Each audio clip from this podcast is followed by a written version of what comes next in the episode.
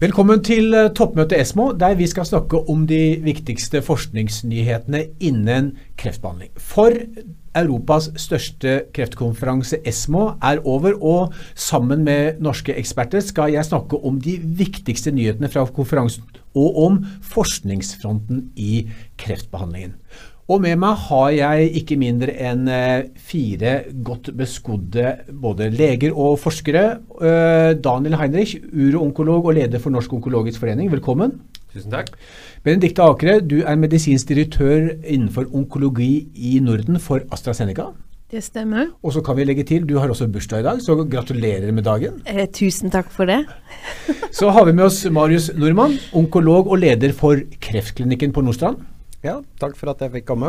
Hjertelig velkommen skal du være. Og sist, men ikke minst, Ali Arefard, som er medisinsk sjef innenfor onkologi i Bristol Mayer Squibb. Velkommen skal du også være. Takk skal du ha. Eh, dette var jo den første store kreftkonferansen i Europa vel på tre år, etter at pandemien hadde flyttet alt eh, over på, på nettet. Men i fire dager så var vi, alle dere fire, og kan jeg si meg selv inkludert, var i eh, Paris. Og der møtte vi eh, da 25 000 leger, leger, forskere og folk fra industrien som møtte hverandre fysisk. Og eh, jeg tror det var 3000 forskningsrapporter som ble lagt fram. Det rekker vi ikke å snakke om alle i dag, men vi skal snakke om det viktigste. Skal vi bare ta en runde rundt bordet, folkens, og, og høre hva var det viktigste som dere tok med dere hjem fra Paris? Eh, skal vi snakke, starte med deg, Daniel? Jeg syns at Esma har vært flink både tidligere i år og i økende grad i år å selektere studier for presentasjon eller resultater for presentasjon som er både positive og negative. Eh, for vi lærer like mye av eh, negative studieresultater som vi gjør av positive. Da vet vi hva vi ikke skal gjøre og ikke skal bruke ressurser og penger på, ikke minst. Um, og, og, blant uh, disse positive og negative studier er det jo som mange ganger de foregående årene en, en rekke studier innenfor det store, moderne immunterapifeltet. Det var en hel presidentsesjon uh, på det, hvor det ble lagt fram resultater på den ene siden som var helt strålende positive, og på den andre siden klin negative. Så, så, det som jeg tar med meg hjem, det er at det, det er meget viktig å velge riktig pasientgruppe for riktig behandling i riktig situasjon uh, for å få disse toppresultatene. Um, at vi må bli flinkere til å da ikke bruke ukritisk og uselektiv behandling på, på, alle pasienter, for da blir det ofte ikke like store gevinster. Mm. Ali, hva var din uh, key takeaway, for å bruke et uh, godt norsk ord, fra, fra, Paris? Nei, For det første så er jeg enig med, med det Daniel oppsummerer, og kan legge til at um, uh, det var jo en god del uh, diskusjoner rundt tidlig stadium-kancer spesielt, mm. og hva man skal lære der, hvordan selektere pasienter. Um, noe av det er allerede blitt tatt i bruk, f.eks. innenfor gay-området, altså øvrig gay-område, mens noe annet venter man på. Og En av de største studiene som var mye snakk om, var jo en forskerinitiert studie, der man gir da en immunterapi i adjuvant setting, en, eller unnskyld, en neoadjuvant setting mm. for en pasientgruppe som da har i utgangspunktet veldig dårlige prognoser. Mm. Um, og så vil jeg legge til at norske eh, tilstedeværelsen var jo fantastisk. Både i, altså, i, person, men også i form av publikasjon. Eh, vi så jo at det var flere forskere som hadde postsesjoner, noen sto på scenen og, og snakket. Eh, I tillegg så var dette med real world evidence eh, også litt i fokus eh, i år, og viktigheten ved det. Nettopp det å etterprøve og undersøke hvordan de nye legemidlene Eh, eh, fungerer i en eh, populasjon i, i virkelighetens verden. Um, så det var mine key takeaways, mm. uh, som også bidrar til at vi får noen gode diskusjoner igjen i Norge videre mm. det neste året. Ja, Det skal vi bringe med oss til diskusjonen her og rundt bordet også. Marius, uh, hva tok du med deg hjem fra Frankrike? Ikke bare god vin, får jeg håpe? Nei, uh, jeg tenker vel at det aller viktigste syns jeg var å være tilbake igjen på en ordentlig stor internasjonal uh, konferanse. Jeg uh, er blitt veldig lei av disse mange videomøtene som vi har hatt de siste årene. Uh, og jeg var også på ASKO i juni Og der var det nesten ikke norsk deltakelse, men også fra alle de andre landene så var det langt færre enn det pleier å være, og det var ikke så mange nyheter. Mens på Esmo så hadde det snudd. Da var det veldig god oppmøte fra de norske, og det var mange interessante studier. Det virker som, som det internasjonale forskerkollegiet har rukket å samle trådene litt og, og få ferdig publikasjoner til Esmo som ikke helt var klare på ASKO. Så jeg syns det var en veldig spennende Esmo denne gangen, og jeg syns også det sånn organisatorisk eh, var eh, litt mer strukturert enn det har vært eh, i tidligere år før covid.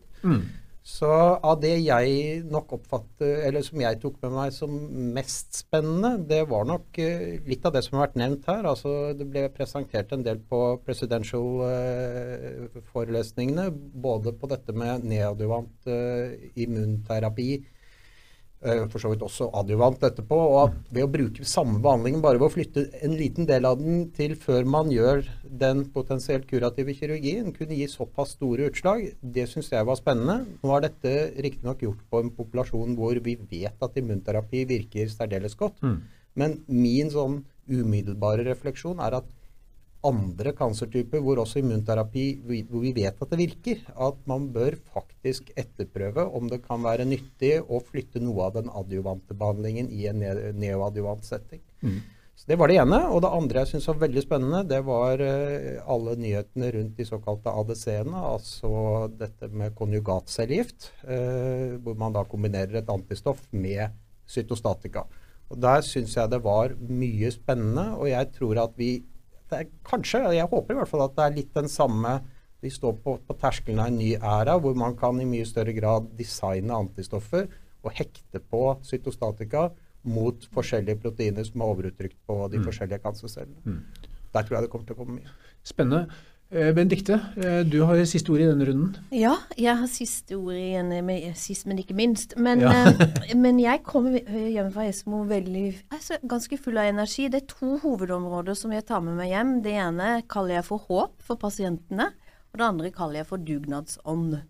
Og nå håp for pasientene, altså Jeg har jobbet nå, jeg tør ikke si det, men nesten 25 år med, med, med kreft, og begynte min karriere i BMS med Taxol og eggstokkreft, hvor vi trodde vi hadde en revolusjon den gangen. Eh, fortsatt en pasientpopulasjon med dårlig prognose. Og det å da se på ESMO uh, var to studier, riktignok, AstraZeneca-studier, men det viktigste for meg er at vi kunne snakke om langtidsoverlevelse, og kanskje til og med kur. Det var det ene. Det andre, håp for pasienter, var dette som vi snakker litt om, det å behandle tidlig, det nytter. Og det siste er det med livskvalitet. At vi ser at vi erstatter ny, moderne kreftbehandling istedenfor uh, cellegift som gir en del toksisitet. Og så var det dugnadsånden, da. Jeg tror vi allerede har det i Norge med Connect og Impress. Men jeg merket også aldri før på noen kongress har jeg hatt møter med akademia, med konkurrenter, internasjonalt, nasjonalt, og en større vilje til å, å liksom være med på den dugnaden sammen. Du kan ikke ha dugnad virtuelt. Så jeg, eh, jeg, jeg ser frem til denne samtalen, og jeg syns Esmo var topp. Det er veldig bra. Vi skal, dere har nevnt det, eh, flere av dere, eh, neoadjuvant immunterapi. Eh, la, la oss aller, det var særlig to studier som, som begge var på presidential. Den ene var på føflekkreft, eh, og den andre var på, på, på gastrokreft, altså eh, endetarmskreft, med, med ganske imponerende resultat. Eh, skal vi aller først for de som ikke vet det, hva er neoadjuvant behandling? Eh, at vi definerer det begrepet, og adjuvantbehandling. Er det noe som tør å kaste seg utpå? Skal jeg gjøre det? Kom igjen. Ja. Neoadjuvant og adjuvantbehandling går ut på å ta tak i noe som man ikke ser. Det er altså i prinsippet behandling for pasienter som har fått påvist en svulst som er operabel. Eh, teknisk, altså kirurgen kan bare ta den bort. Eh, og så ser man dessverre når man følger opp eh, disse pasientgruppene, at det er mange som får tilbakefall. Eh, og Da har man utviklet ulike strategier for å redusere tilbakefallshyppigheten. Eh, først så kom adjuvantbehandling. altså man, man ga noe behandling etter operasjonen. Det kaller vi for adjuvant. Altså hjelpende til å redusere tilbakefallshyppigheten. Um, Og, og det retter seg da altså mot mikroskopisk sykdom, ikke mot noe man ser. Eh, en videreutvikling av det er neoadjuvantbehandling, hvor lignende formål skal oppnås ved å gi en eller annen form for terapi før operasjonen. Uh, og mange tenker at ja, det er jo bra, da får vi mindre svulster, ikke sant? men det er ikke det som er poenget.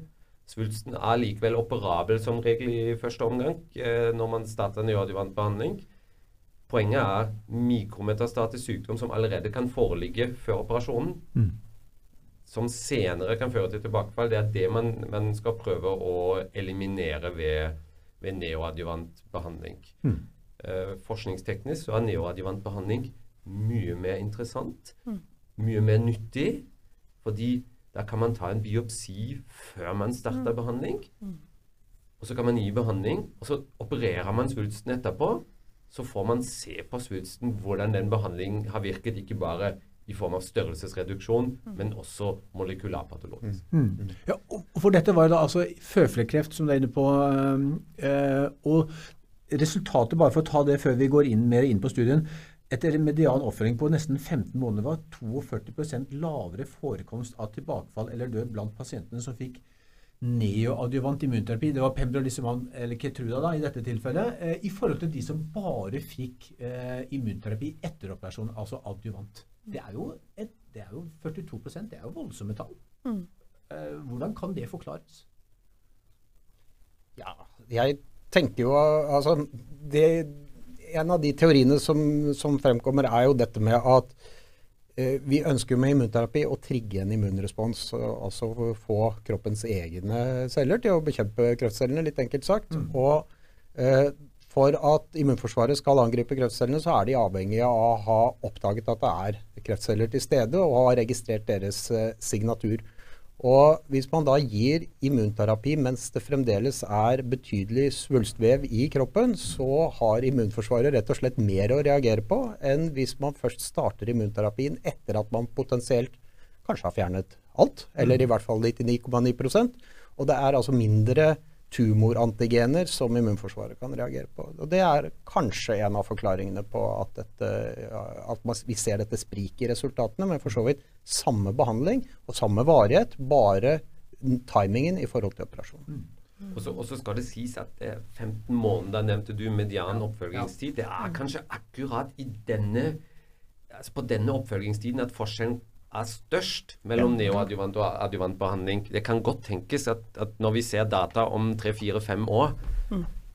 at, at, da dette jevner seg litt ut. At det da kommer tilbakefall med like stor hyppighetsgrad i begge grupper, mm. men at det er nettopp i løpet av disse første seks, åtte, tolv måneder at det, det, er størst forskjell mellom neoadjuvant og adjuvant. Mm. Jeg vil bare skyte inn en liten ting til og i forbindelse med det med neoadjuvant. Det er klart, som Daniel sa, det er jo for å uh, i utgangspunktet ta mer mikrometastaser og sørge for at de ikke overlever også etter operasjonen. Mm. Men det er jo et moment til, og det er jo at en neoadjuvant behandling vil, uh, hvis den virker, få primærsvulsten til å skrumpe.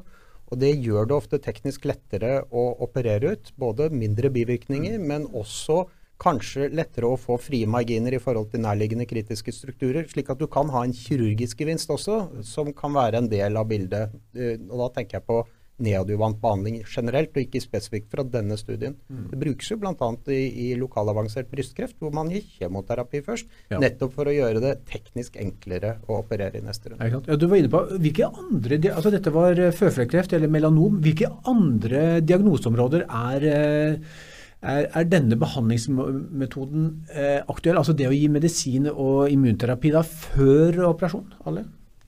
Eh, I lungekancer så har jo man nå sett data med sykdomsfri overlevelse først og fremst, og patologisk komplett respons. Mm. Det har jo vært en lang diskusjon med regulatoriske myndigheter om aksept for patologisk komplett respons. Mm.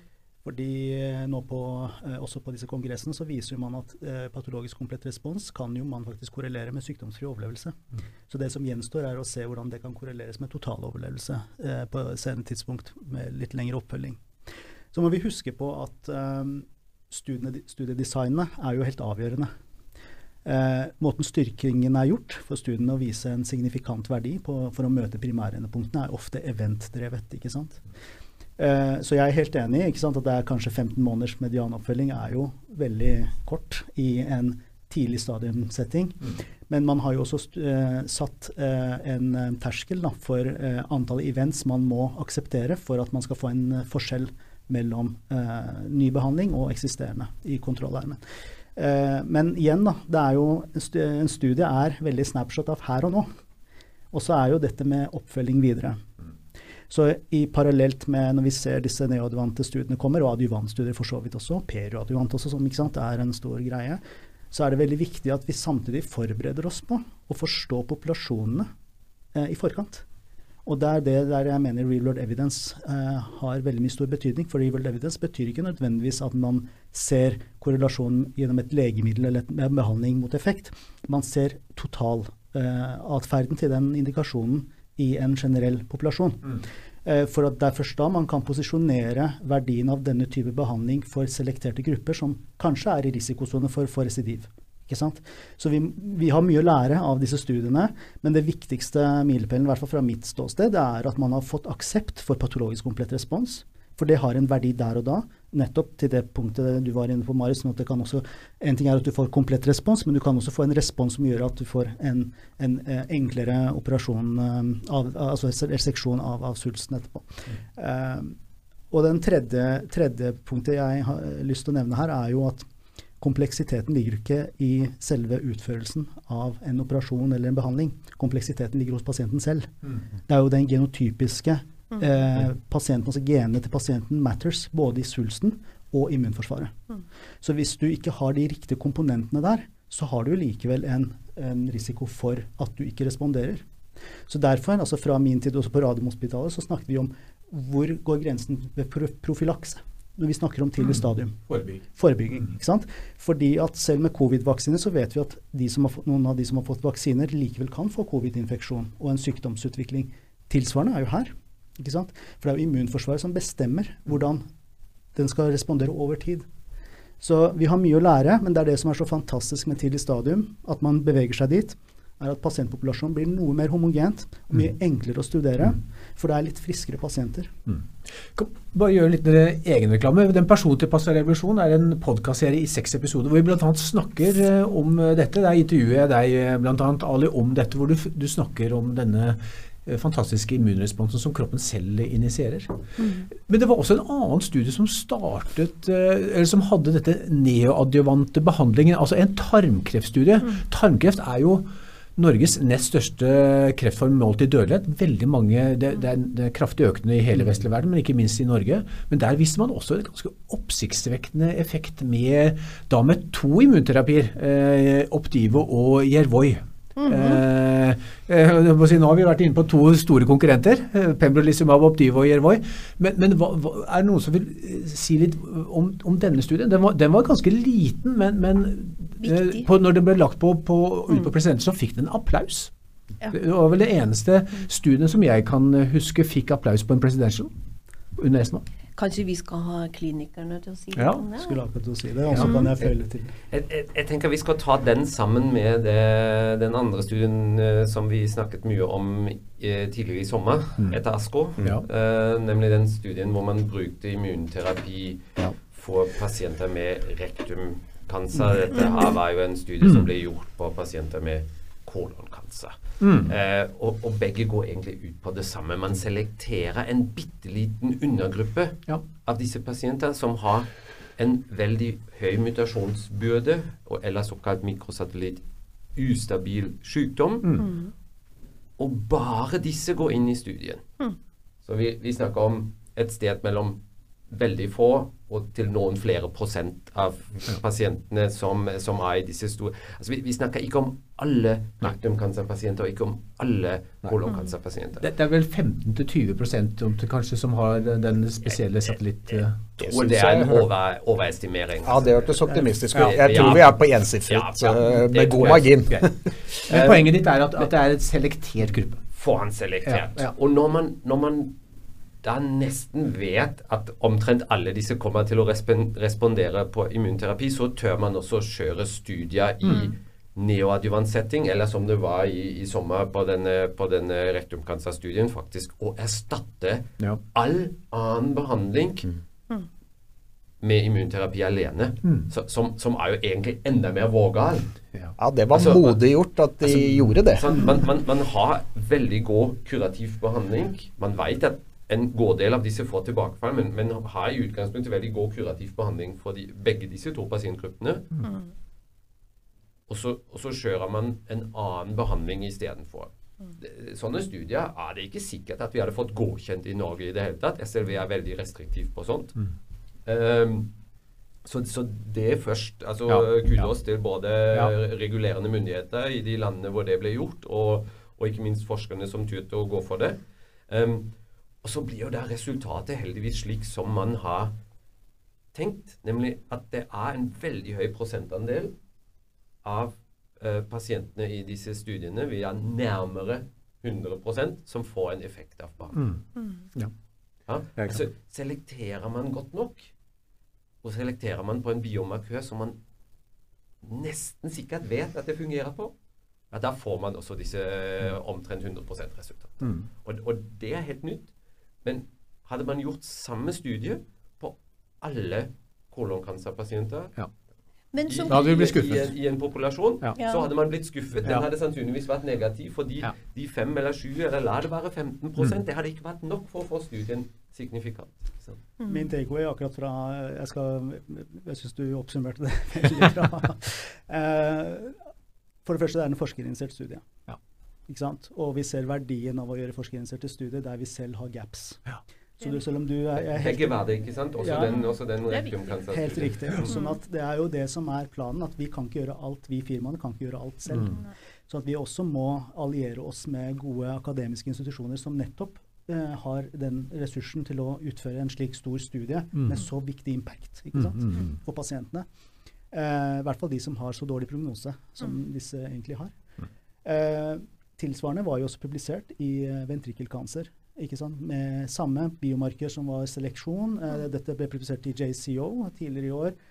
Eh, der man så tilsvarende data i, i den settingen. Eh, så nå gjenstår det å se hvordan man skal bruke disse dataene for å gjøre gode, prospektive, Ja. randomiserte Akkurat. studier. ikke Ja. sant? Fordi at det er det som også er viktig. For at det er jo det som eh, mye regul altså regulatoriske myndigheter vil kreve. Ja. Men vi må jo jobbe for at eh, anerkjennelsen som da sant, man ser hos denne, på Kongressen, faktisk betyr mye når man skal da eh, gjøre ting eh, videre, altså ut, videreutvikle dette her.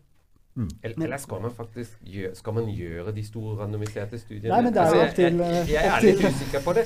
Fordi altså, samtidig som, som det var vågal før man skjøt studien, eh, og man hadde kanskje fått problemer med å få godkjent den i enkelte land, og, og kanskje fått problemer med å få godkjent de i enkelte etiske komiteer, men nå når vi har resultatene Da blir det Ja. etisk problem Altså. Ja, ja, ja.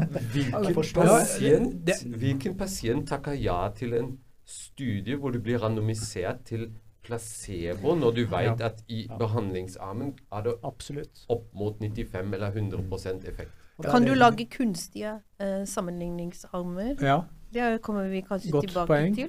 Real world evidence. Real world evidence, Ja, altså, vi snakket med, med, med mm, Eva Hofsle, hun er jo uh, leder i Norsk gastrointestinal cancergruppe. uh, rett etter, og, og hun sier jo at dette skal jo uh, denne gruppa diskutere. Der, der sitter jo de ledende legene i Norge på dette.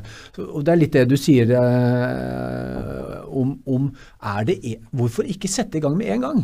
Altså, eh, hadde jeg vært pasient med Ja. denne mikrosatellittinstabiliteten og hadde sett disse dataene, så hadde jeg gjort hva som helst for å få eh, behandling med immunterapi. Og det er jo helt klart.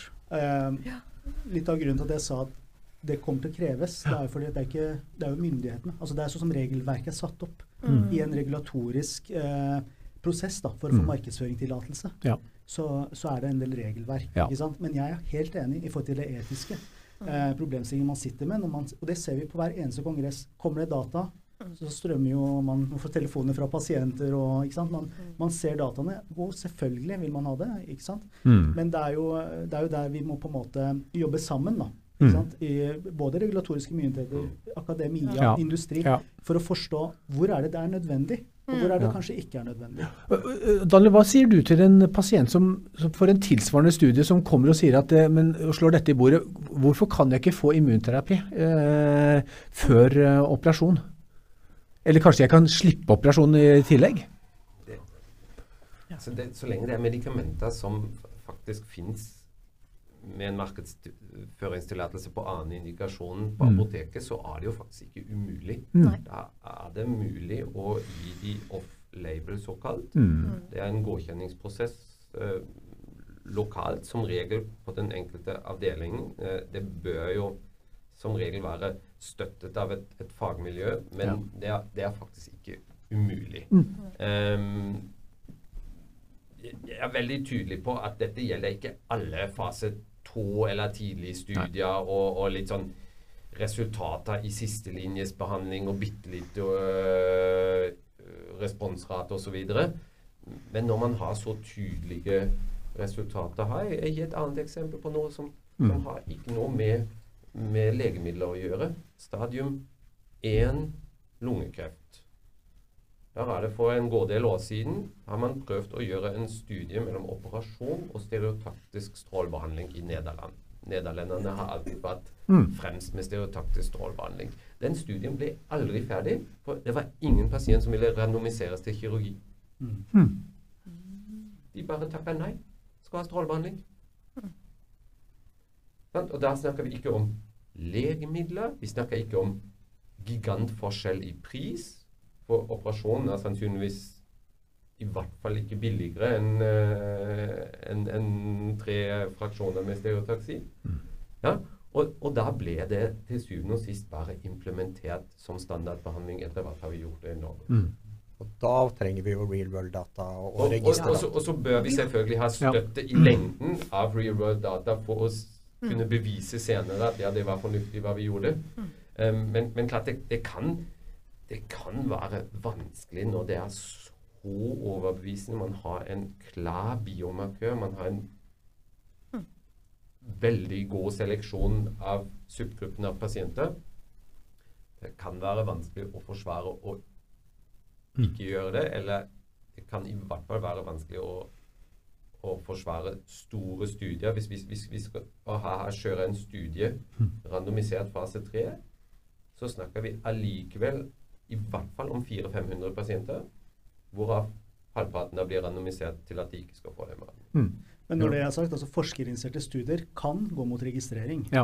Sånn at man Ja. ikke misforstår det. Vi skal komme inn på en. Eh, Ja, ja. Men eh, Marius, du hadde bedt om ordet. Ja, jeg tenker jo at eh, jeg, jeg sitter jo i en situasjon hvor jeg jo ofte blir oppsøkt av de pasientene som kanskje ønsker seg noe annet enn det som ligger i, i linjen for standardbehandling. Og disse MSI-pasientene er jo et typisk eksempel på hvor, forsker, eller hvor dataene er veldig gode i favør av ny behandling, men hvor ikke endelig indikasjon og godkjenning er Mm. på plass. Og jeg tenker at jeg er jo enig med Daniel at det er mulig å gjøre individuelle vurderinger.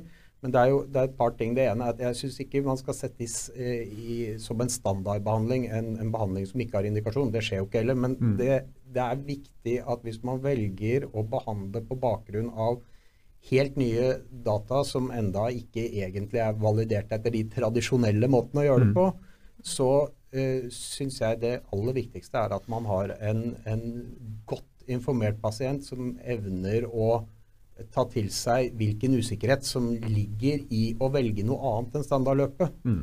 Og så er det jo også slik at uh, behandling som enda ikke er godkjent, det medfører en, ofte en betydelig kostnad, og det er en side av saken. Så det er jo ikke et likt tilbud til alle som tilfeldigvis har en MSI. Nei. Eh, Eller en annen, eh, et annet åpenbart eh, target eller mål hvor det går an å rette en person til passe. Eller ta den studien som du nevnte, Daniel, altså denne ASKO-studien hvor, hvor det var mm, pasienter med avansert tarmkreft. Det, der er det jo eh, bare et spørsmål om tid før man dør.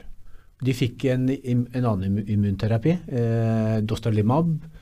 Alle tolv fikk komplett remisjon. Altså, du, du har jo, i hvert fall som pasient har man i hvert fall ingenting å tape. For, for, det er jo begrenset med bivirkninger av dette?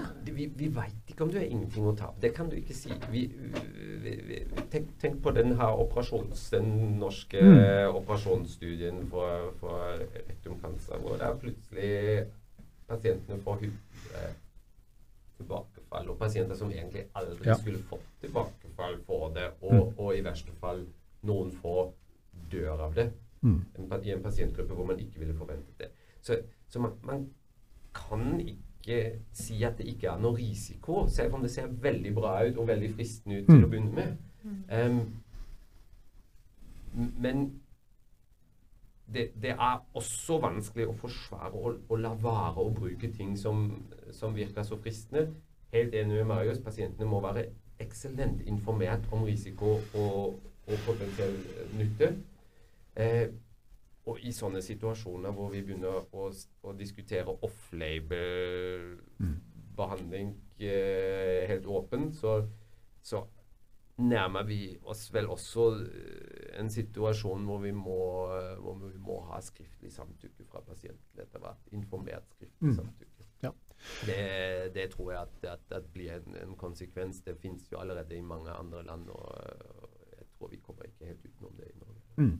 Men det er interessant, du, du, beskriver jo et tema som er veldig vesentlig. Altså I IT-industrien så er det noe som heter 'move fast and break things'. Det er jo det motsatte man gjør i legevitenskapen. Der skynder man seg sakte. Det, det står jo eh, det, det, verste er jo å altså Hippokrates sa 'do no harm', altså gjør ingen skade. Det var jo det sentrale. Så det er selvfølgelig viktig, som du sier, Daniel, at uh, man uh, må, må, passe seg vel for å feilbehandle. Spesielt innenfor en uh innenfor en spesialitet med, som onkologi, hvor, hvor, egentlig også onkologer Vi bryter jo den hypokratiske eden hver eneste dag. Mm. Og det fins ingen onkologisk behandling som ikke skader pasienten på en eller annen måte. Mm. Det er interessant. Um, så, så, ja. Eh, vi, vi, kunne gått enda dypere. i Dette er en veldig interessant diskusjon. Vi, skal vi gå videre til et, et nytt tema, lungekreft?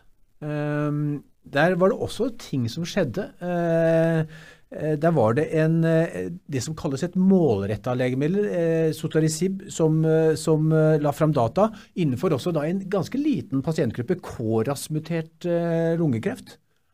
Hva tenker dere om den studien? Er det, et, et, er det en, en, en, viktig milepæl innenfor lungekreftbehandling? Jeg har fulgt med litt på, på disse dataene. Jeg syns jo det er, er spennende jeg hadde nok Når man ser den studien du snakker om, så mm. hadde jeg nok håpet at det skulle vært en enda større forskjell mellom standardbehandling og denne sotorasib-behandlingen, som mm. da ble brukt til ikke bare måtte de ha KRAS, for de har ganske mange lungekreftpasienter, men de måtte ha den undergruppen som heter G12C. Mm. Uh, og da er det ikke så mange igjen. Men for den gruppen så var det en liten gevinst, og den så ut til å holde seg over tid, hvis mm. man da behandlet med sotorasib versus uh, standard kjemoterapi i andre linje. Mm. Eller senere, var det vel. Uh, nå, nå var det jo veldig diplomatisk. Det er jo en gevinst av det, positive studiet. Men ja, det, det, vi hadde forventet mer ja. enn en det vi så, ikke sant. Ja. Og i, i kontrollarmen her så, så, så, er det brukt dostaxil, altså en relevant eh, komparator. Som, eh, som, brukes i daglig klinisk praksis som andre- eller tredjelinjesbehandling mm. hos disse pasienter. Og, og, og, og det er ikke noe veldig god behandling for disse pasienter heller. Og så får man bare en sånn bitte liten løft av mm. den, den progresjonsfrie overlevelseskurven. Ingen overlevelsesforskjell i det hele tatt. Mm. Uh, det, det, det er, altså, ja, det er en sistelinjestudie, og vi vet at det er ikke ideelt å, å teste målretta behandling i sistelinje. Vi vet det. Mm. Vi må alltid begynne da, mm. og vi må flytte det fram senere. Men det, det, var ikke det samme som vi hadde med de første EGFE-hemmene på samme mm. eller, eller, på denne pasientgruppen som da har andre mutasjoner. Mm. Nei, absolutt ikke.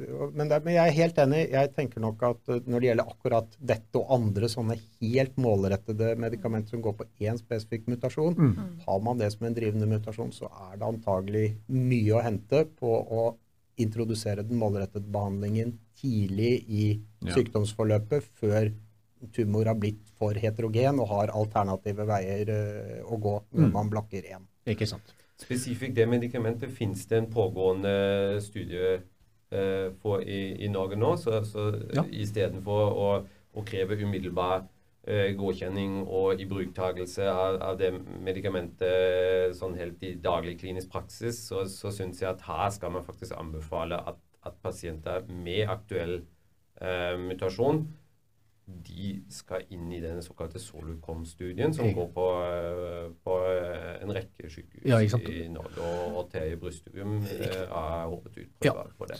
Ja, ikke sant? Så, så de pasienter og eventuelt leger som hører på, de, eh, da vet de adressen for, for den type indikasjon.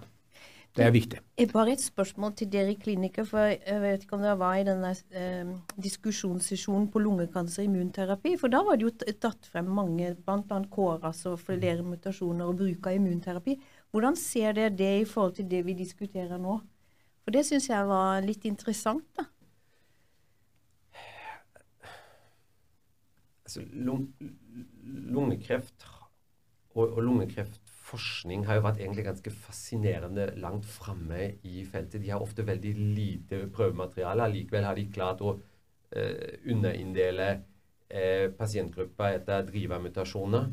Um, og, og der det virkelig finnes en klar drivermutasjon og en tilsvarende målrettet behandling for det, så er det den beste Det den, behandlingen ja. for de pasientene. Og da, da vil all kjemo-immunkombinasjon øh, være mindre god behandling for dem, i hvert fall i første linje. Um, så må man spørre seg om alle de mutasjoner som vi har identifisert etter hvert, alle de subgrupperinger, om det virkelig alltid er den mutasjonen. det. drivermutasjonen. det, er det.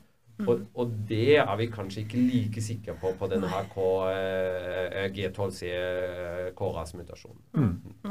Holly? Det er et godt poeng. Det som er interessant, er at G12C i KRAS Mm. den har jo vært kjent til å drive en immunogen kancer. Mm. Og det var jo hele bakgrunnen for hvor immunterapi startet i Norge på 90-tallet. Mm. Det var jo min mentor og veileder, Gaudernak og Steinar Omdal og den gjengen på 90-tallet som startet de første vaksinene i pankraskancerpasienter, som hadde da ulike G12-varianter. Eh, og G12C var jo en, er en variant som tiltrekker seg immunforsvaret veldig mye mer. Sånn at eh, den immunologien og biologien vi snakker om, er jo to vidt forskjellige ting når du målretter behandling, versus det du er inne på, hvordan immunterapi eh, alene da, eh, påvirker denne populasjonen. Men igjen, hvordan skal man da designe de riktige studiene for å vite ikke sant? For vi vet for lite om biologien per organtype. For å si at én er lik én på alt. Så jeg, når jeg er ute og snakker med veldig mange av deres kolleger i klinikkene, så sier jeg at hver organ har forskjellig immunologi, hver organ har forskjellig biologi. Den ivaretas også når du får en cancerutvikling der. Så man må ha den totale forståelsen for hvordan man ikke sant? Det er der kompleksiteten er. Ja. Igjen. Ja. Tror at vi må ikke glemme den Ikke biten. Eh, Det gjelder jo også til en viss grad metastaser som setter seg i det organet, at du må ta hensyn til det organets immunitet. Helt absolutt. Vi, vi så jo det på i min tid også. Har du en pankraskanser som metastaserer til hud, Ja. så tar du en biopsi av den og ser på den, så ser du at den ser ut som en pankraslignende omtrent, ikke sant? Men rent eh, mikro, eh, altså mikromiljøet er jo helt annerledes enn pankras. Mm. Og da vil den oppføre seg annerledes. Og da blir det en mer aggressiv sykdom. Mm. ikke sant? Så det er veldig, veldig viktig det du er inne på. at når vi, Det er derfor jeg sier at når vi beveger oss i tidligere stadium, før du får de avanserte sykdommene, så har du mye mer homogen situasjon du kan undersøke effektene i. Mm.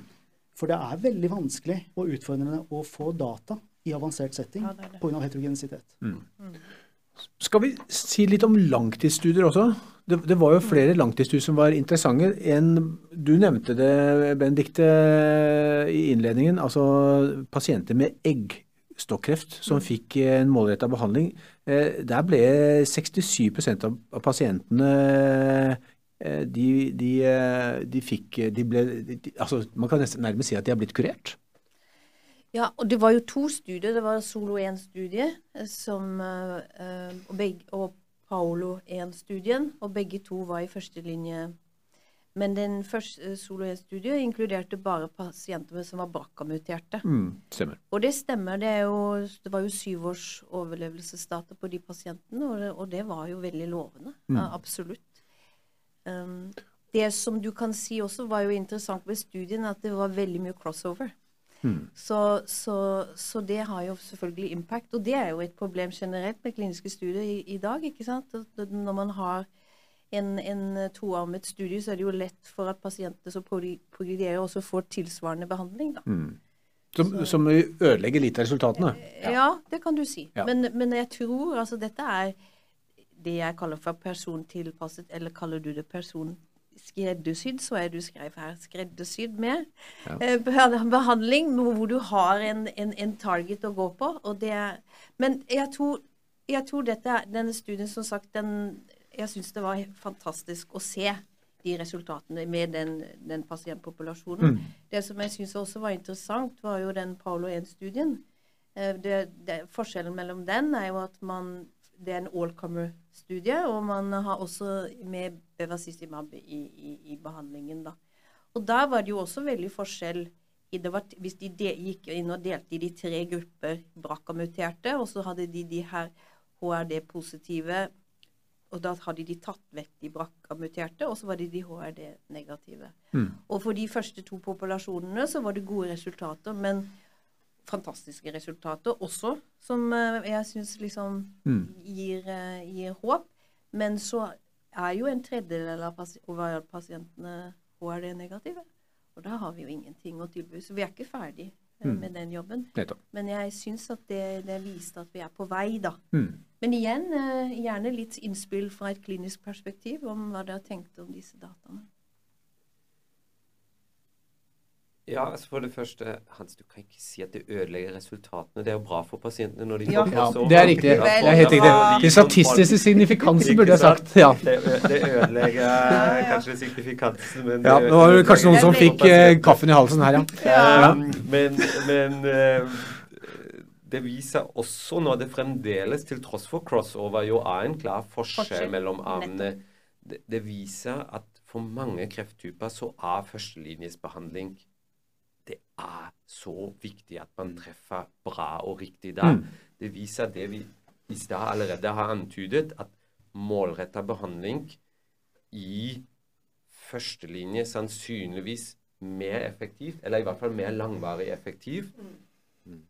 enn i senere behandlingslinjer. For det som skjer hver gang man bytter behandlingslinje, det har jo sykdommen progrediert. Ja. Kreftcellene har akkumulert flere mutasjoner. Det er flere drivere i sykdommen. Hvis du finner en mutasjon helt til å begynne med, og det er driveren, og du klarer å blokkere den, så blokkerer du også proliferasjonshastigheten, og dermed sjansen for de kreftcellene til å generere nye mutasjoner. For en ny mutasjon kan bare komme hver gang det blir en celledeling. Mm. Det blir ikke mutasjon når det ikke blir celledeling. Og, og, og sånn sett, førstelinjesbehandling viktig, spesielt kanskje ekstra viktig ved målrettet behandling. Um, og, og, og, det ser man jo. Og man ser også, syns jeg, på disse Du nevnte to studier. ikke sant? Den ene har selektert pasientene, den andre ikke gjort det. Resultatene er positive i begge studier. Men de er mer positive. altså Det, det er enda bedre i den biomarkør-selekterte ja, ja. Eh, studien. Ja, um, som jeg syns er den veien vi, vi, må prøve å gå. Så må vi prøve å forstå bedre hvorfor pasienter også som har biomarkør-negative, antatt biomarkør-negative, allikevel kan ha effekt av samme medisin. Og det, det ser vi jo i ulike settinger, at det, det blir aldri null prosent responsrate i, i den biomarkør-negative gruppen. Så hvorfor responderer noen av de allikevel, selv om de ikke har biomarkør? Mm. Jeg er enig med deg, men samtidig det jeg syns var bra, da, det er jo det at i den uh, Paulo 1-studien så har du faktisk identifisert en pasientpopulasjon som du ikke hadde i Solo 1, og det er de med HRD-positive. Og de har, er, nå liksom Konklusjonen er at nå, nå legger vi til bevacizumab for de pasientene. ikke sant? Så, nå, så, noe bra har skjedd, selv om jeg er helt enig med deg. Den ene er jo veldig tydelig på de med BRCA-muterte. Men du, jeg føler liksom nå har vi én pasientpopulasjon som vi må fokusere på, og det er de HRD-negativt takket være Paul 1-studien. Mm. Ikke sant? Den, den konteksten. Vi lærer jo hele tiden. Mm. Tiden går godt i godt selskap, eller går fort i godt selskap. Vi må litt videre. Uh, det var også, Du nevnte, Daniel, uh, det var en del studier som ikke var uh, viste noe effekt, bl.a. med immunterapi. En, en, på nyre og en på hode- og halskreft. skal vi ta først den, den med nyre? Altså, der ble det immunterapikomboen Op, Optivo og Yervoy som ble, ble gitt adjuvant. Og der ble det der, Den var tror jeg mange var overrasket over, eh, som jeg snakket med. Deg, deg inkludert eh, vel også, Daniel? Ja, Den var i hvert fall klin negativ, som mm. jeg vel har sagt gjentatte ganger. og mm. det, det, står ved lag. Ja. Det, det, er totalt overlappende kurver i, i placebo, eller, eller i ikke-behandlingsarmen og i behandlingsarmen. Um, og her har man jo da ikke selektert pasienter på noe annet enn et tentativt statistisk risiko for tilbakefall. Altså Man har ikke brukt noen biomarkører. Man har bare sagt at dette her er en pasientpopulasjon som har en, en viss sannsynlighet uh, for tilbakefall. Den syns vi er for høy, og vi ønsker gjerne å, å gjøre noe med det. Uh, og, og, Det bekrefter jo for så vidt studien. Det, det er en sannsynlighet for tilbakefall på 25% på to år. Det er en høy tilbakefallssannsynlighet for en, for en populasjon som har i utgangspunktet en lokalisert mm. svulst som opereres bort. Da er 25% på to år ganske høy sannsynlighet for tilbakefall, syns jeg. Mm. Men åpenbart er allikevel den andelen av disse pasienter som gikk inn i studien, som har noen nytte av slik adjuvantbehandling, den er ikke stor nok for å utgjøre noe statistisk forskjell. Mm. Eh, og så var da den studien altså noe negativ på det tidspunktet hvor man gjorde analysen. Negativ for såkalt eh, sykdomsfri eller disease-free overlevelse. Eh, og Det betyr også at vi kommer ikke til å få noe formell videre testing av f.eks. totaloverlevelse. Så en, en langtidseffekt av en liten undergruppe av pasientene vil vi i verste fall ikke oppdage i det hele tatt. Mm. Um, men konklusjonen må være at uten bedre seleksjon av pasienter, så kan man ikke bare bruke denne HA-kombinasjonen mm. som adjuvantbehandling ved nyrekreft. Og så er det to andre like klin negative studier med ulike andre uh, immunterapier, så, så, det gjelder ikke bare uh, Ali sin kombinasjon her. Alis kombinasjon! Uh, Alis, det må du slette. mix, mix, mix, in the kitchen. da, da, da, hvis, jeg, hvis, jeg, skal da avslutte sammenfatning av alle disse studiene med én liten interessant detalj, så er det faktisk en studie blant disse tre mm. hvor det var i høyeste grad signifikant gevinst for kvinner, ja. mens det var null gevinst for menn. Det adjuvant nyrekreftbehandling med artesolizumab. Mm. Eh, ingen som har kommentert det. Eh, så vidt at det ble vist på, eh, på skjermen der. Men, eh, men, det er sikkert noe som vi, vi må tenke litt nærmere på. Hva var fordelingen kvinner og menn, da? To til én, som det pleier å være ved nyrekreft. Ah, ja. så, så, det var en, et, et, et hmm. stort nok antall altså Det var 0,6 i hazard ratio for kvinner, 1,0 for menn. Ja. Absolutt ingen effekt for menn, iallfall studien totalt sett negativ, fordi det er to til én-fordeling, og da blir det 0,85 ja, ja, ja, i separation eller noe sånt. Men hvis man bare hadde inkludert de kvinnene der, så hadde man sannsynligvis kunnet nøye seg med en tredjedel av mm. pasientene og fått en positiv studie. Mm. mm. Ja. Altså, ser, altså, Immunterapi virker oppsiktsvekkende godt i noen kreftformer, eh, mens andre ikke. og Det kan, kan være studiedesignet som du er inne på, det kan være mange ting. Hva, hva, hva tenker du, Ali? Eh, hva, på dette konkrete nyrekreft og også på hode-halskreft, som også var en skuffelse. Og bryst. Og, og bryst, ja. Mm. ja. For det første så syns jeg det er kjempebra at dette kommer fram. Ja. Ikke sant? Vi skal publisere negative data, mm. og vi skal diskutere de, eh, for å forstå hvordan neste, Men vi skal ikke gi opp. Mm. Pasientgruppen skal ikke gis opp ikke sånn av den grunn. og Det er veldig mm. viktig beskjed. Det var det som også var litt fra diskusjonene, at vi skal fortsette å finne ut hvordan skal vi lage de beste studiene i den settingen for den indikasjonen. Mm. Derfor jeg sier at altså, hode, hals, bryst, nyre er ikke den samme sykdommen. Og det kan være undergrupper i det som du vet ikke, som absolutt. kunne ha hatt en respons, og det vet vi for lite ja, om. ikke absolutt. sant? Så jeg tror dette med eh, Vi snakket litt om det her i sted også, at jeg tror man også har eh, litt nytte av å se historisk på ting. Hva har skjedd egentlig tilbake i tid eh, med den lærdommen som er publisert, for å finne ut hvordan man skal designe studier. Mm. Og Du snakket om eggstokkreft i sted. og eh, når vi vet For over 20 år siden så ble publisert en stor eggstokkreftstudie på de som fikk kirurgi og ikke-kirurgi. Så så man på overlevelse. Så så man at de som hadde langtidsoverlevelse, var de som faktisk hadde et immunapparat som var aktivt i svulsten. Som ble operert ut. Ja. Kontra de som ikke hadde det. De Mm. døde jo omtrent med en gang. Mm. Ikke sant? Eh, eller veldig kort levetid. Så jeg tror man har mye nytte av å trekke ut disse store studiene som er blitt gjort tidligere og publisert i prestisjetidsskrifter, og se på hvordan kan vi nå bruke de dataene for å selektere pasienter. For jeg tror akkurat i en situasjon med nyrekancer, da, som vi vet i mutasjonsfrekvensskalaen ligger sånn ca. midt på, eh, sammenlignet med lungemelanom og de som har enda ingen mutasjoner mot prostata og globlastomer osv., så, eh, så så ser vi at nyrekreftpasienter responderer veldig godt på immunterapi. Ja. Så vi, derfor så sier vi vi kan ikke gi de opp, men vi må finne ut hvordan kan vi selektere Ja. pasienter, og Ja. hvilken behandling skal de gis. Så jeg er jo veldig altså, opptatt av at både hode-halskreft er studien som var negativ.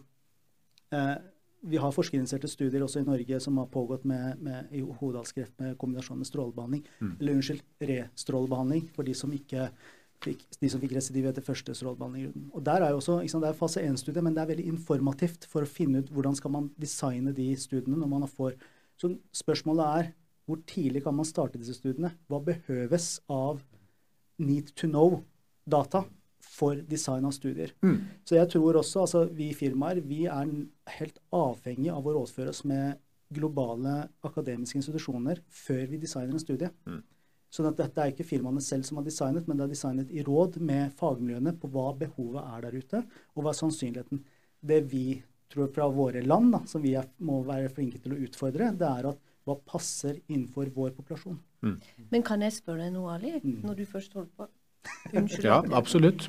Eh, jeg, det som jeg syns var interessant på Espo flere ganger, hver gang det er negativt, så sier de nei, det er fordi denne tumoris er immunkald. Vet vi hva Hva er det vi Altså, det, det er noe sånn Hvorfor sier vi det, og hva mener vi med det? Hva tenker du om det? jeg, jeg syns det er utrolig bra du tar opp. og Jeg har Mm. jobbet med immunterapi snart i ja, veldig veldig mange år. Ja. Det er jo helt, helt fra min, ikke sant, min fødsel omtrent. Og jeg ser jo hvordan det begrepet nesten misbrukes i gåseøyne. Ja. Fordi at tumorbiologien er en dynamisk situasjon. Det du tar av biopsi, det er et snapshot av der og da. Mm. Og vi vet samtidig at immunforsvaret til pasienter fluktuerer. Så som vi, vi sitter her nå, er kanskje friske, vi har ikke noen virusinfeksjon, ingenting, men vi har et immunforsvar som fluktuerer. Sånn er det også en pasient også. Som kanskje har en mikrometastase, eller mikro, altså en sykdom som ikke radiologisk kan defineres, men likevel så er immunforsvaret i gang. Det er hele prinsippet for immunterapi er jo basert på at man antar at immunsystemet vårt er i, i jobber med å forme tumoren. Det er jo det som kalles for tumor immune surveillance. ikke sant? Mm. Så det å på en måte si at en tumor er kald på det tidspunktet, derfor så virker det ikke, at den hele populasjonen generaliseres, det er jo helt feil. Og det så jo man på kolonkancer. Hvis du eh, ser MSI og MSS, du kan jo ikke De første studiene kjørte jo alle pasienter, ikke sant? Selv med TKI-er og EGFR. Eh, du kan ikke kjøre samme studie på alle. Så det jeg, det jeg tenker er Det er derfor jeg sier at neoadvant behandling er jo veldig interessant. fordi at neoadvant behandling behøver kanskje ikke å ha en immunologisk situasjon som tilsier hvordan du vil respondere, men du induserer den immunologiske situasjonen for at du skal få en effekt. Og du har muligheten til å teste det etterpå når du på operasjonspreparatet hva du faktisk skal oppnå. Mm. Og ja, én ting til. Det er Immunterapi er mer enn checkpoint inhibitor, så det kan jo vi si som jobber med. Og det må vi ikke glemme på, for noen ganger så sier vi nei, immunterapi funket ikke her. Det er litt stretched, altså. Ja. Jeg er enig. Jeg tenker jo at eh, veien videre må jo bli å teste egentlig alle pasienter som får påvist en, en, en kancer hvor det er en eh, reell risiko for, eh, for residiv og eventuelt en, en metastatisk situasjon. Bør etter mitt skjønn både testes genetisk mm. på tumornivå og kanskje også se på uh, immunogenisitet, altså se på hvilken profil uh, disse kreftcellene har. Er det antagelig at vi vil se en uh, immunrespons? Og så er det som du sier, immunforsvaret fluktuerer jo også hos friske pasienter. Det var jo en studie i fjor som viste at timingen når på døgnet man ga PD1-hemmer, hadde ganske mye mm. å si for uh, responsraten. Mm. Uh, det har det vært lite oppmerksomhet rundt etterpå, syns jeg. Men, uh, men, det er, det er jo mange faktorer som, som, spiller inn. For, for å unngå at endogen kortisolproduksjon blokkerer immunresponsen, så, så har du begynt å gi det midt på natta nå til Nei, vi har, vi har ikke det. Men vi prøver å få gitt uh, Hvis vi har en, en, blanding av forskjellige pasienter på infusjonsenheten, mm. så prøver vi å sette opp uh, PD1-hemmerne før lunsj og, og konjugatcellegift etter mm. lunsj. Ikke sant. Ja. Screening er jo interessant også i den konteksten. Eh, ja. Jeg så at EU-kommisjonen sier at nå skal vi screene for prostatakreft. Er det, er det, god, er det greit å ta folk tidlig? Er, er det en god idé, Daniel? Tror vi skal ikke bruke nok en time på denne podkasten i dag. Så, vi tar det, det neste gang. Vi tar det neste gang. Neste gang. Det Veldig bra. Vi, vi, må jo også snakke om noen uh, norske studier. Det var, det var jo godt uh, representert der nede. Det var jo bl.a. en uh, studie av Anne Hansen Ree, som, som, som, hadde tatt for seg kostnader. Og det var også en, en interessant studie fra Siri Børe i, i Merk, altså, som, som, nå tar en doktorgrad i på, på, dels på universitetet og dels eh, som, som, en del av jobben, hvor hun uh, ser på hvordan man kan etablere eksterne kontrollarmer. Altså i studier som, som, uh, som er enarmede. For Det kommer jo stadig flere. altså Det var jo en interessant poster som, som, vi skrev litt om. Er det noen som vil si litt om relevansen i den uh, forskningen? Jeg, kan, jeg, har bare lyst til å dele, for vi har faktisk gjort det. Og mm. vi har brukt det for, med Inhertu. Vi har mm. brukt med, i samarbeid med Dansk brystkreftgruppe og Real World Evidence fra, fra de, da, registerdata, så mm. lagde vi en sammenligningsarm. Fordi at uh, vår brystkreftstudie var jo en single arm. Mm. Eh, ikke sant? Og den, eh, den, den, brukte det har blitt publisert, og det var det som faktisk også gjorde at vi fikk refusjon for, for uh, en hertug i Norge, men i Finland ja. og Sverige. Ja, okay. så, de, så, så, det, den så dette er gjort, eh, altså. syntetiske kontrollen den ja. ga gjennomslag i regulatoriske myndigheter i, i, andre land. Ja, Og det synes jeg, jeg synes det er et godt eksempel på at det går an. Mm. Så, så, det er absolutt å ikke bruke opp pasienter unødvendig, men, men, bruke de registerdataene man har. Mm. Men det er, jo ikke, det er jo klart du kan ikke bruke det per i dags dato i forhold til å få godkjenning og markedsføringstillatelse, men man håper jo kanskje at det mm. kan bli en mm. mulighet fremover. Mm. Mm. Hva tenker dere andre? Du ser på meg? Ja, jeg ser på deg. er det interessant? Er, er ja, dette en farbar vei? Ja. Absolutt. Vi, eh, jeg tror eh, det er eh, merkelig å si det motsatte, egentlig. Ja. Fordi at vi snakket jo om hvor mye mer evidens trenger du fra de studiene som allerede foreligger. Man kan bruke real world evidence for å nettopp ha en kontrollarm. Mm. Og vi må også sørge for at myndighetene forstår verdien av real world evidence i en i en metodevurderingssituasjon. Mm. ikke sant? Fordi at uh, science er jo Det er også science. Mm. Uh, så jeg syns Siri sin pose var uh, kjempebra, og at, at, det på en måte kommer frem. Mm. vi må ha flere av denne type studier også. på disse kongressene. Mm. Vi hadde jo en, en, et samarbeid med Kreftregisteret på melanom, mm. som ble publisert av Anna Winge på Esmo for to år siden. Eh, og det var jo også kjempeviktig studie for melanompasienter, der man da ser at en gruppe som man trodde mm. gjorde det så bra, gjorde egentlig like Altså en stadium 2 2B-gruppen eh, eller 2C-gruppen gjorde det like dårlig som en stadium 3A- og B-gruppe. Mm. Eh, Dette hadde man aldri funnet ut hvis ikke man hadde gått inn i registeret og hentet ut Nei. data. Mm. Det var en kjempeviktig kontrollarm også, mens i påvente av OS-dataene som kom på, i adjuvantsetting, ikke sant? Så man, nå var jo OS-dataene også positive når de kom, men det var viktig for at man ikke skulle forsinke da dette er med fire-fem år før ja. pasientene fikk tilgang. Så ja, så absolutt. Og jeg tror også i sammenheng med Connect og alt det vi jobber med der, dette er jo midt i blinken. Mm. Men vi må få myndighetene med å forstå verdien av real world evidence i en vurdering, slik at klinikerne har det verktøyet tilgjengelig. Mm. Så er det opp til dem å velge hvordan det skal anvendes mm. til hvilke pasienter. At det ikke gjøres i forkant uten at man ja, Så gjør man det i Finland og Sverige. Mm. så sitter man i Norge som eneste land som ikke innfører. Helt avslutningsvis, det var jo også et uh, møte i ambassaden, eller ambassadørens residens. Uh, Flott var det. Uh, dere var der, dere også, ser jeg. og der var temaet hvordan skal vi få flere kliniske studier til Norge. Altså 3000 studier ble lagt fram på Esmo. En brøkdel av det gjøres i Norge.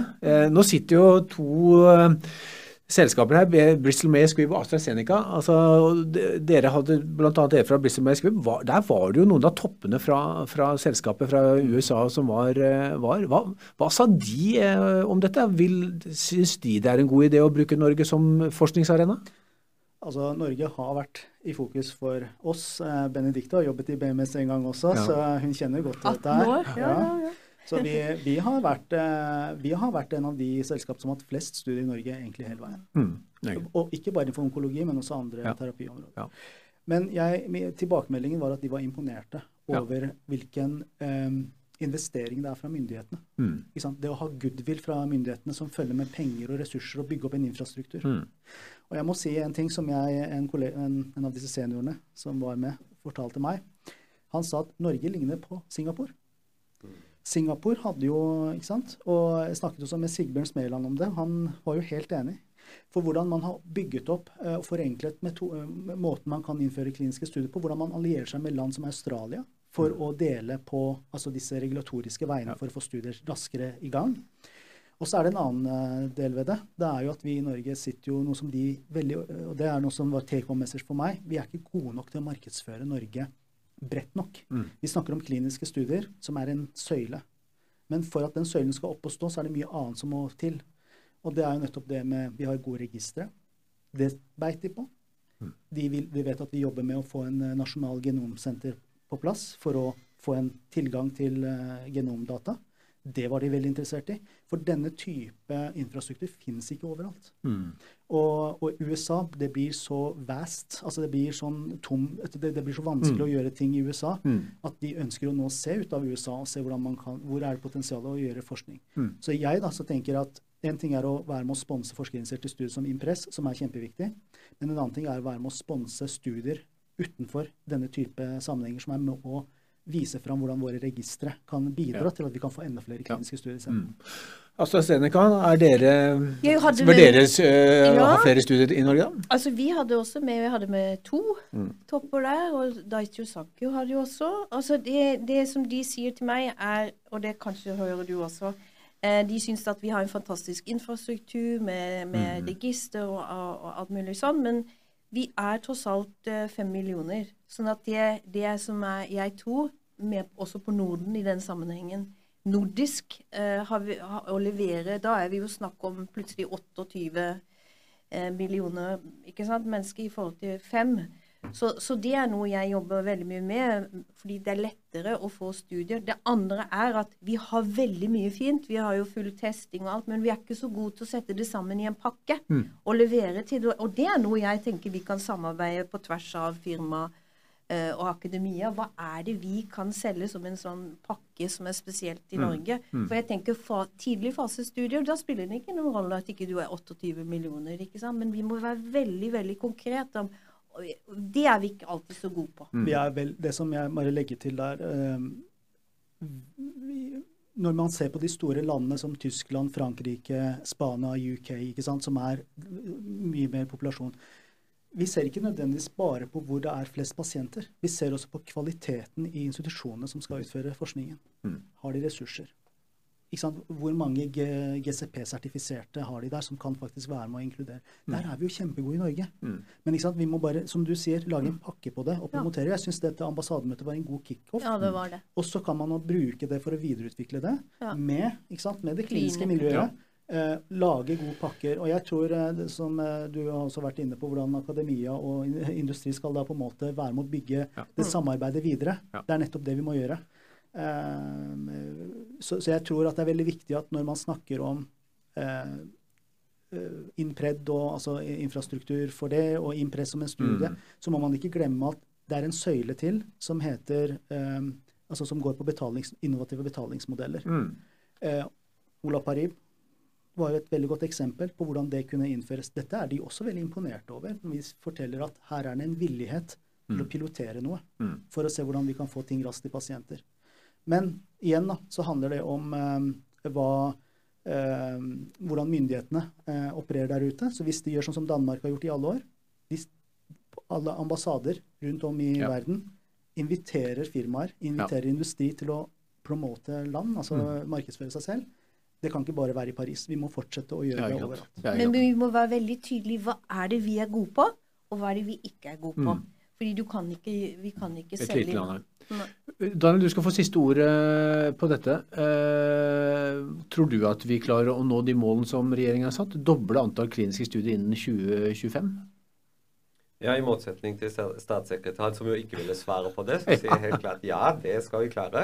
Og, og, og så sier jeg òg at men det, det er en, en kjempejobb eh, for å klare det. For det er jo ikke noe poeng å bare doble antall kliniske studier for å gjøre det. Altså i verste fall finne opp noen tullestudier mm. bare for å ha et antall, ikke sant. Det, det, som er, det som er kanskje det mer viktige målet, det er at eh, det har 5 av pasienter i kliniske studier. Ja. Eh, og jeg mener at vi det, det er et høyt mål. eh, hvis vi tar alle pasienter på norske sykehus, men hvis vi tar onkologien, så skal vi ligge høyere enn det. Ja. Um, Mm. Jeg var på et eh, jeg var på et møte hvor jeg skulle legge fram eh, eh, hvordan vi i Sykehuset Innlandet skal generere flere, eller tiltrekke oss flere, flere kliniske studier forrige torsdag. Um, før jeg reiste på det møtet, så rakk jeg fem pasienter på poliklinikken. Tre av de ble inkludert i klinisk studie. Så 60 det er der vi skal legge målet. Um, og, og selvfølgelig er det eh, litt spøkefullt. Men, men vi, vi har muligheten til å få det til. Um, det krever også at det blir en kulturendring, eller en kulturstyrking, helt fra toppene i, i sykehusene og nedover til hver enkel mellomleder og leder på avdelingsnivå, som støtter det. Og så er det nødvendig at alle vi som jobber på gulvet, som faktisk da ser pasientene, plukker opp pasientene som er kandidater for kliniske studier, at vi har denne her begeistringen, at vi, vi syns det er kult. Og, og jeg, syns det definitivt, og, og skal prøve meg på de 60% Bør vi da endre, Daniel, eh, bestillingen? Bør vi si at vi skal ha dobbelt så mange pasienter i kliniske studier enn antallet studier? Mm. For det er jo en Ja, tellekant i seg selv, ikke an- sant? Antall studier er litt, litt uh, Det er greit at de skrev uh, gode mål inn i denne bestillingen, Mm. men antall studier kan fort ende opp med at man finner opp studier som egentlig ikke gir noe Ja. mening. Ikke sant? For det, det er pasientnytten som er viktig her. Ja. Det er det. helt Ja. Og det var vel, bør vel kanskje være det siste ordet her fra um, toppmøtet ESMO. Det er hvis 'always end on a high note', som det heter. Eh, en positiv eh, trend på norske studier. Er, og vi så på ESMO mange gode studier som er viktige for eh, pasienter over hele verden, og ikke minst for norske pasienter. Tusen takk for at dere ville være med å oppsummere. Daniel Heinrich, Benedikte Akre, Marius Nordmann og Ali Arefert. Takk for at dere kom. Takk for at vi kom. Tusen takk.